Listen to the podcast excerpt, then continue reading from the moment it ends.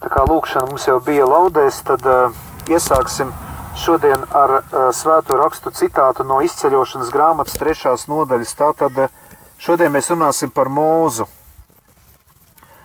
Mūzes ganīja Jetrus savas sievas tēva Midiāna priestera avis. Viņš aizdzina avis pāri tūkstnesim un nonāca pie dieva kalna Horeba. Un tā kunga eņģelis viņam parādījās uguns liesmā no ērkšķu krūma, un viņš skatījās un redzi, ērkšķu krūms dega ugunīs, bet nesadega. Tad Mozus atsies iešu tuvāk un apskatīs šo lielo parādību, kādēļ ērkšķu krūms nesadeg. Bet kungs redzēja, ka viņš gāja tur plūkot un sauca tam no krūma un sacīja: Mūzu, mūzu! Mūzu sacīja: Te es esmu! Un kungs sacīja: Nenāc tuvāk, novelc savas kurpes no savām kājām, jo tā vieta, kur tu stāvi, ir svēta zeme. Un viņš sacīja: Es esmu tava tēva dievs, Ābrahama dievs, Īzaka dievs un Jēkaba dievs. Un Mozus aizklāja savu vaigu, jo viņš bijās dievu uzlūkot. Un kungs sacīja: Vērodams, esmu vērojis manas tautas bēdas, kādas tā ir Eģiptē. Viņas brēkšanu par tās uzraugiem es esmu dzirdējis, jo es zinu viņu ciešanas. Es esmu nolaidies, lai viņus izglābtu no eģiptiešu rokām un tos izvestu no šīs zemes uz labu un plašu zemi, uz zemi, kur piens un medus tek, uz kanāniešu, hetiešu, amoriešu, ferisiešu, ķīviešu un jebusiešu zemi. Un redz, Izraēla bērnu brēkšana ir nākusi manā priekšā, un es esmu redzējis tos spaidus, ar kādiem eģiptieši viņus apspiež. Tagad ej, es tevi sūtīšu pie faraona, izved manu tautu, Izraēļa bērnus no Eģiptes. Tad Mozus sacīja uz Dievu, kas es esmu, ka man jāiet pie faraona un ka man jāizved izrēlieši no Eģiptes. Un Dievs sacīja, es būšu ar tevi, un šī būs tā zīme, ka es esmu tevi sūtījis, lai tu izvestu tautu no Eģiptes, jūs kalposiet Dievam šī kalnā. Bet Mozus sacīja uz Dievu: Redzi, kad es nākšu pie Izraēļa bērniem, un es viņiem sacīšu, jūsu tēva Dievs mani pie jums ir sūtījis, tad tie jautās, kā viņu sauc, ko tad lai es viņiem saku? Dievs sacīja uz Mozu: Es esmu, kas es esmu. Viņš sacīja, tā tev jārunā ar Izraēļa bērniem. Es esmu tas mani sūtījis pie jums. Un Dievs vēl sacīja uz mūzu, tā, tā tu saki Izraēļa bērniem. Kungs jūsu tēva Dievs, Ābrahama Dievs, Izaka Dievs un Jēkaba Dievs ir mani sūtījis pie jums. Tas ir mans vārds mūžīgi, to atcerieties uz auga audzēm. Āmen! Tātad eh, šis ir fragments, kā Mūzes satiek Dievu un saņem misiju. Viņš saņem aicinājumu. Un, e, ko es gribētu pakomentēt, to, ka Mozus bija Dieva izglābts cilvēks. Jūs zināt, ka viņš tika ielikts upē Nīlā e, tajā brīdī, kad faraons lika iznīcināt visus ebreju bērnus Eģiptē. E, jā.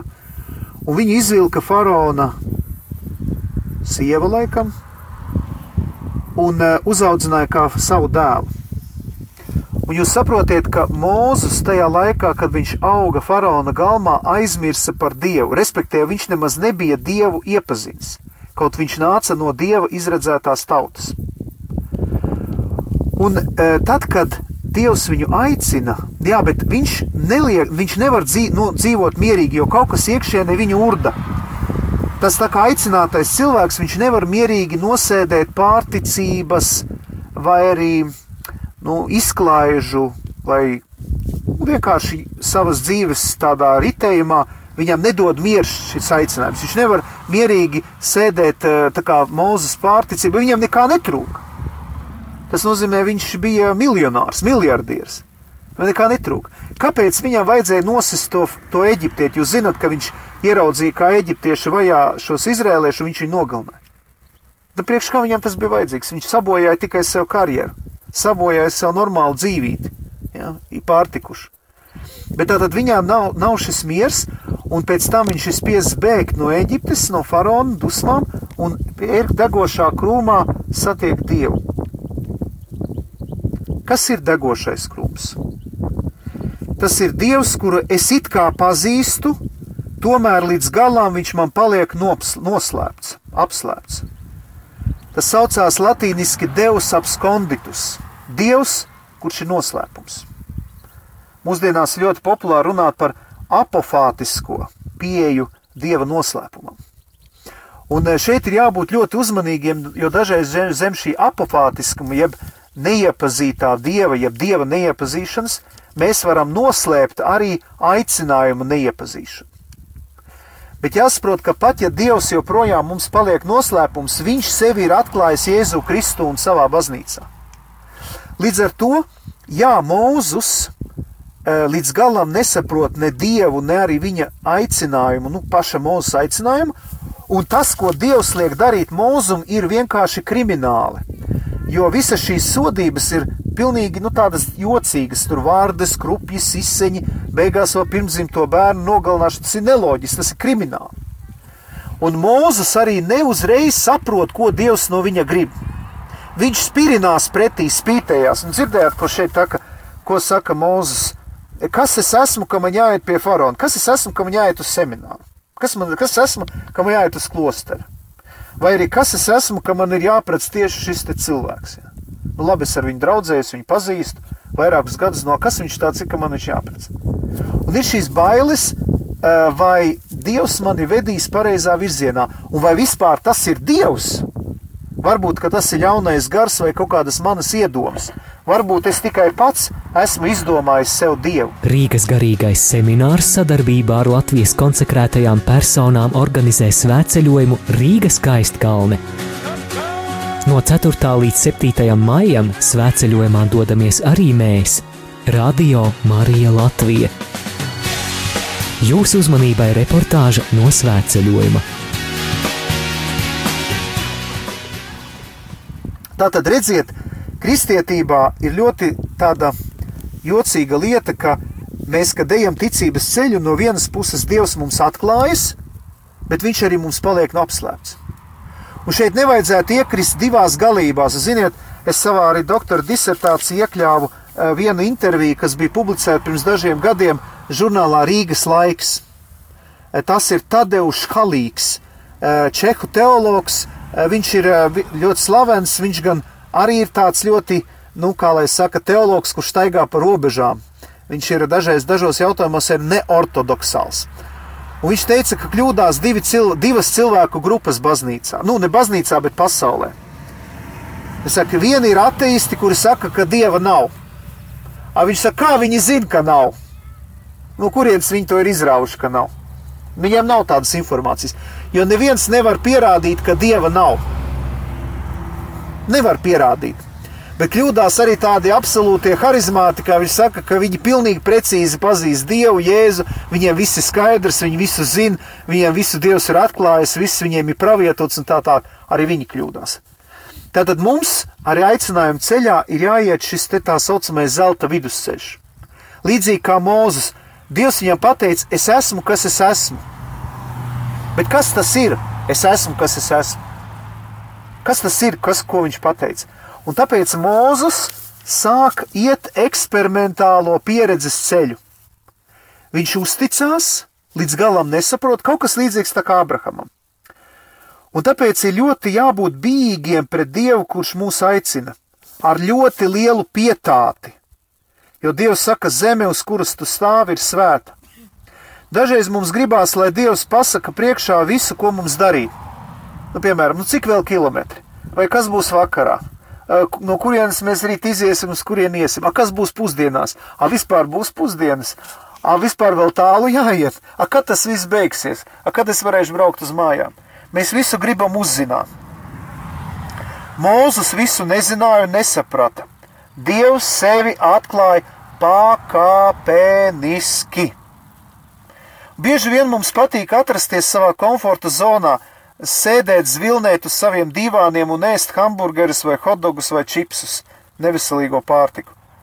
Tā var paiet visa dzīve. Mūzum arī bija labi iekārtot un pārtikusi dzīve Eģiptē, tomēr sirdī nebija miers. Dievs aicina viņu doties uz nezināmo, izaicinājumu pilno svētceļojumu. Arī mēs esam tādā pašā situācijā. Arī e, Pāvests Francis savā vēstījumā saka, ka attiecības ar kungu ietver sevī šo būt sūtītiem pasaulē, kā viņa vārda praviešiem un viņa mīlestības lieciniekiem. Tātad e, Dievs sevi neuzspiež, un aicinājuma ceļā viņš sevi atklāja pakāpeniski. Un at, mācoties no Mūzes, mums ir jāsaprot, ka ja mūsos ir šis dievišķais nemieris, nu, piemēram, mums nedod mieru tā dzīve, kurā mēs esam, ir vērts iziet no šīs komforta zonas. Ir vērts iziet no šīs, šī piereduma, no šīs rutīnas un doties pretī nezināmajam.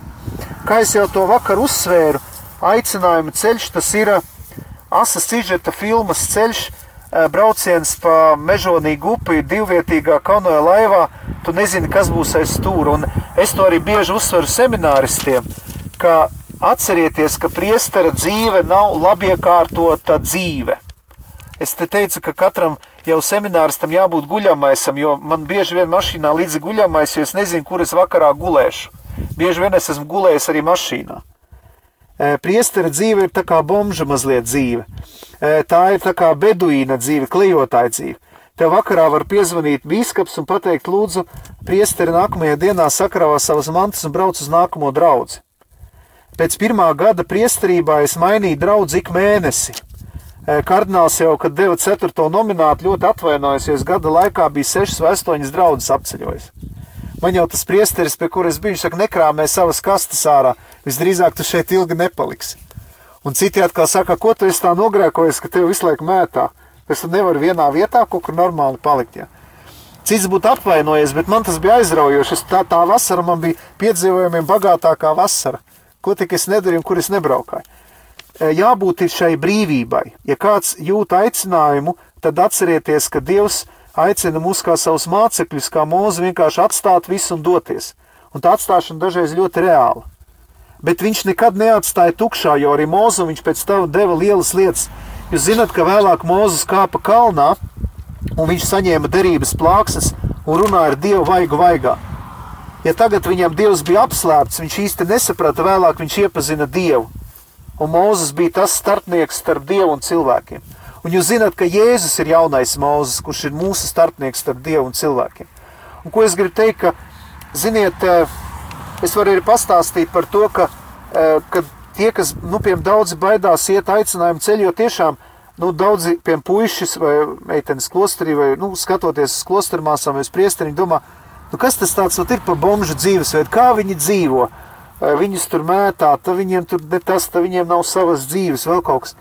Bet ziniet, ko man ļoti patika, ko rakstīja kardināls Vaivots savā, ja nemaldos, dienas grāmatā, kad viņu čekisti vajāja, viņa aizsūtīja uz vaņodas draugu.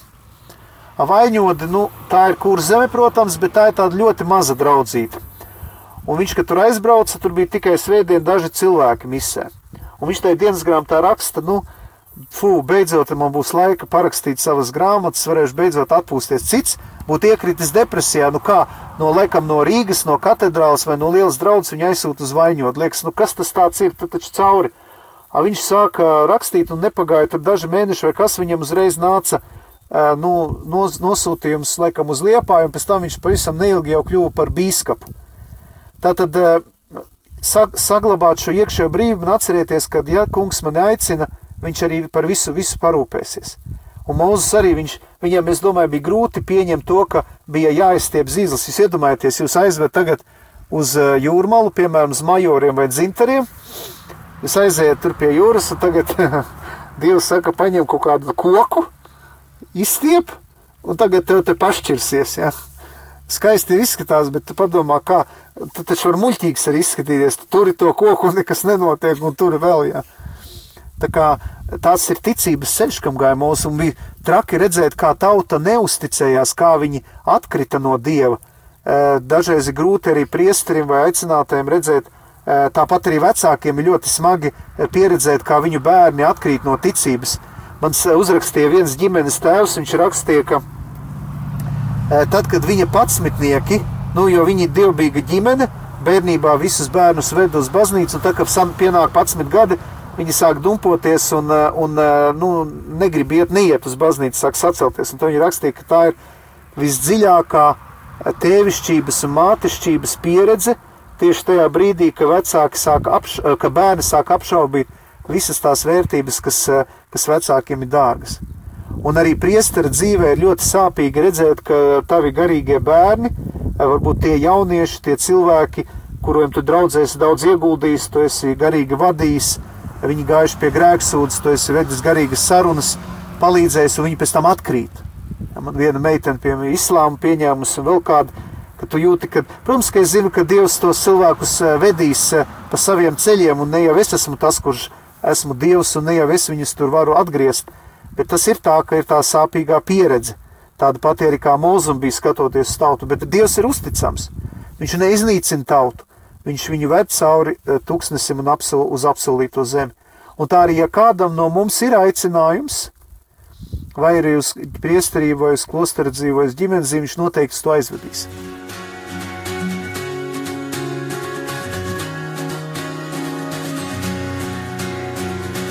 Svētceļojums Rīgas skaistkalne Radio Marija ēterā no 4. līdz 7. maijam.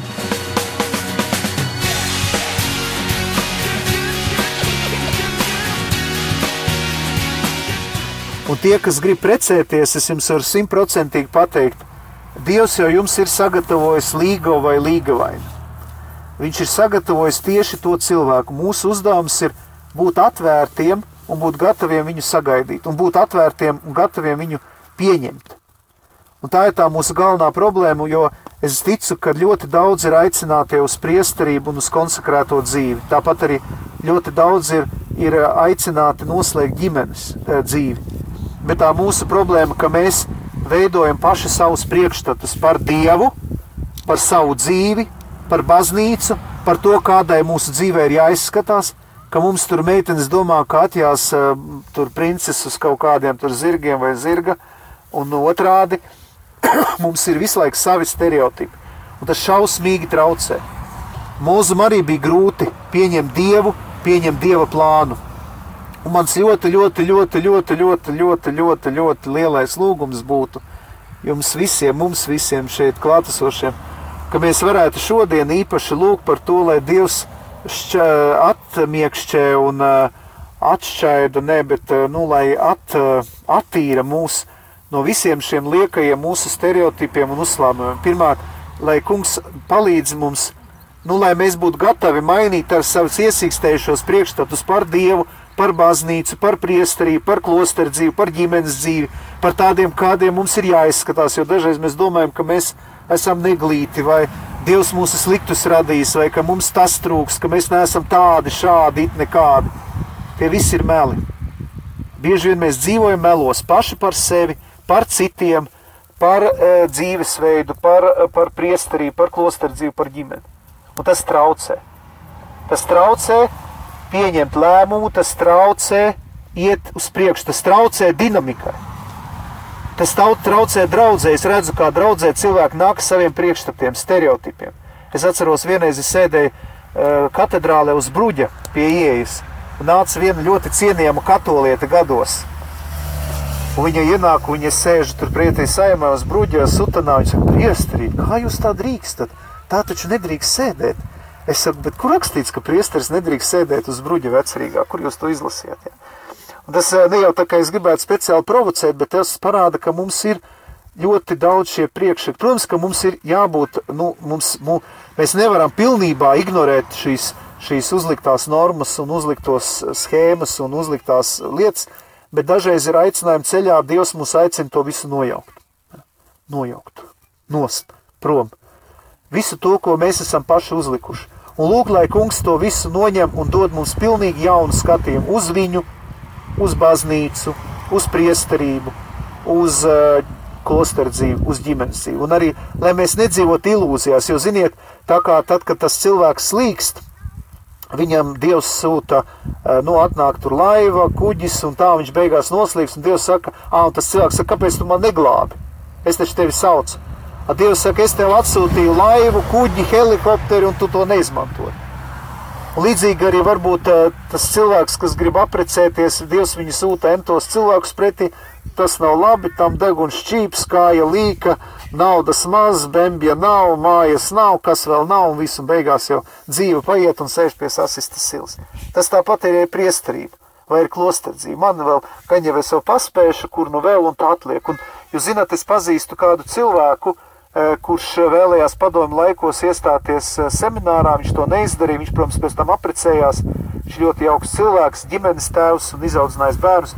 Tad viņš man atzinās, priestri Ilmāres, daudzas naktis, daudzas naktis sapnī celebrēja svētās misijas. Dievs viņu nav nosodījis, ka viņš neizmantoja šo iespēju. Dievs viņu nav nosodījis, bet visu laiku viņam dzīvē ir šis, šis nepie, nav piepildījums līdz galam.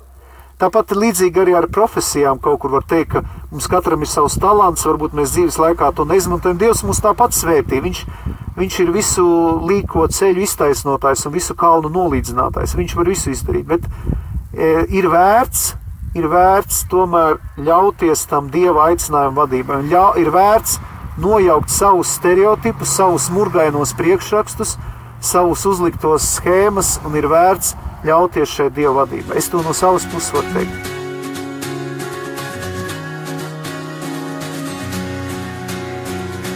Svētceļojums Rīgas skaistkalne Radio Marija ēterā no 4. līdz 7. maijam.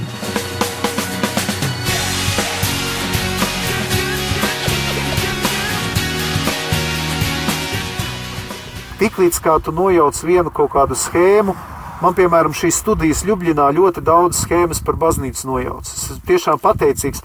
Tās visas sarežģītās lietas var arī, kā saka, iemācīties uz eksāmena un ļoti ātri aizmirst. Kā mums teica viens pasniedzējs, jūs iemācāties, un tad ļoti, ļoti ātri aizmirstat. Ja? Bet ir lietas, eh, kuras esmu ieguvusi, un man ļoti palīdzēja tie pasniedzēji, kas eh, ir 20, 30 gadus bijuši misijā Brazīlijā, Papo Jaungvinē, Āfrikā, dažādās ciltīs ieraudzīt baznīcu, kas ir daudz, daudz plašāka, lielāka nekā mēs to spējam aptvert. Un tāpat arī izpratne par klosteru dzīvi, par ģimenes dzīvi. Ja? Ļoti, ļoti svarīgi ir nedzīvot šais ilūzijās. Ļoti svarīgi. Jo tās ilūzijas mums vienkārši iedzen strucējā. Mēs sēžam kā kastītē. Un tad mēs paliekam tādi kastīšu cilvēki, un mums nav šīs brīvības.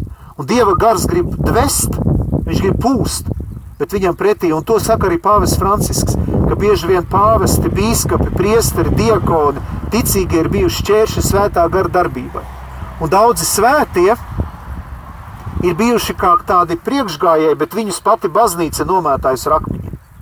Daudzi svētie ir kā gājis so, soli uz priekšu, un baznīca viņus nomētājuši ar akmeņiem. Tāpēc jābūt ļoti, ļoti, ļoti uzmanīgiem. Un mēs varam mācīties no Mūzes, ka viņam nebija viegli, tas bija grūts ceļš, bet viņš ļāvās. Tā kā ļausimies šim svētā gara neprātam, un ja gadījumā mēs jūtam, ka arī mēs dzīvojam kādās ilūzijās, sapņos, kādos stereotipos, šodien varam lūgt un arī varam nožēlot to grēksūdzēju, ja vajadzīga arī saruna, varam to izlikt visu, jo ir ļoti svarīgi iet šajā brīvībā. Un, eh, ja runā arī par aicinājumu gan uz klosteru dzīvi, gan uz priesterību, ļoti svarīga garīgā vadība. Eh, labs bikts tēvs, labs garīgais tēvs, kas māca atpazīt.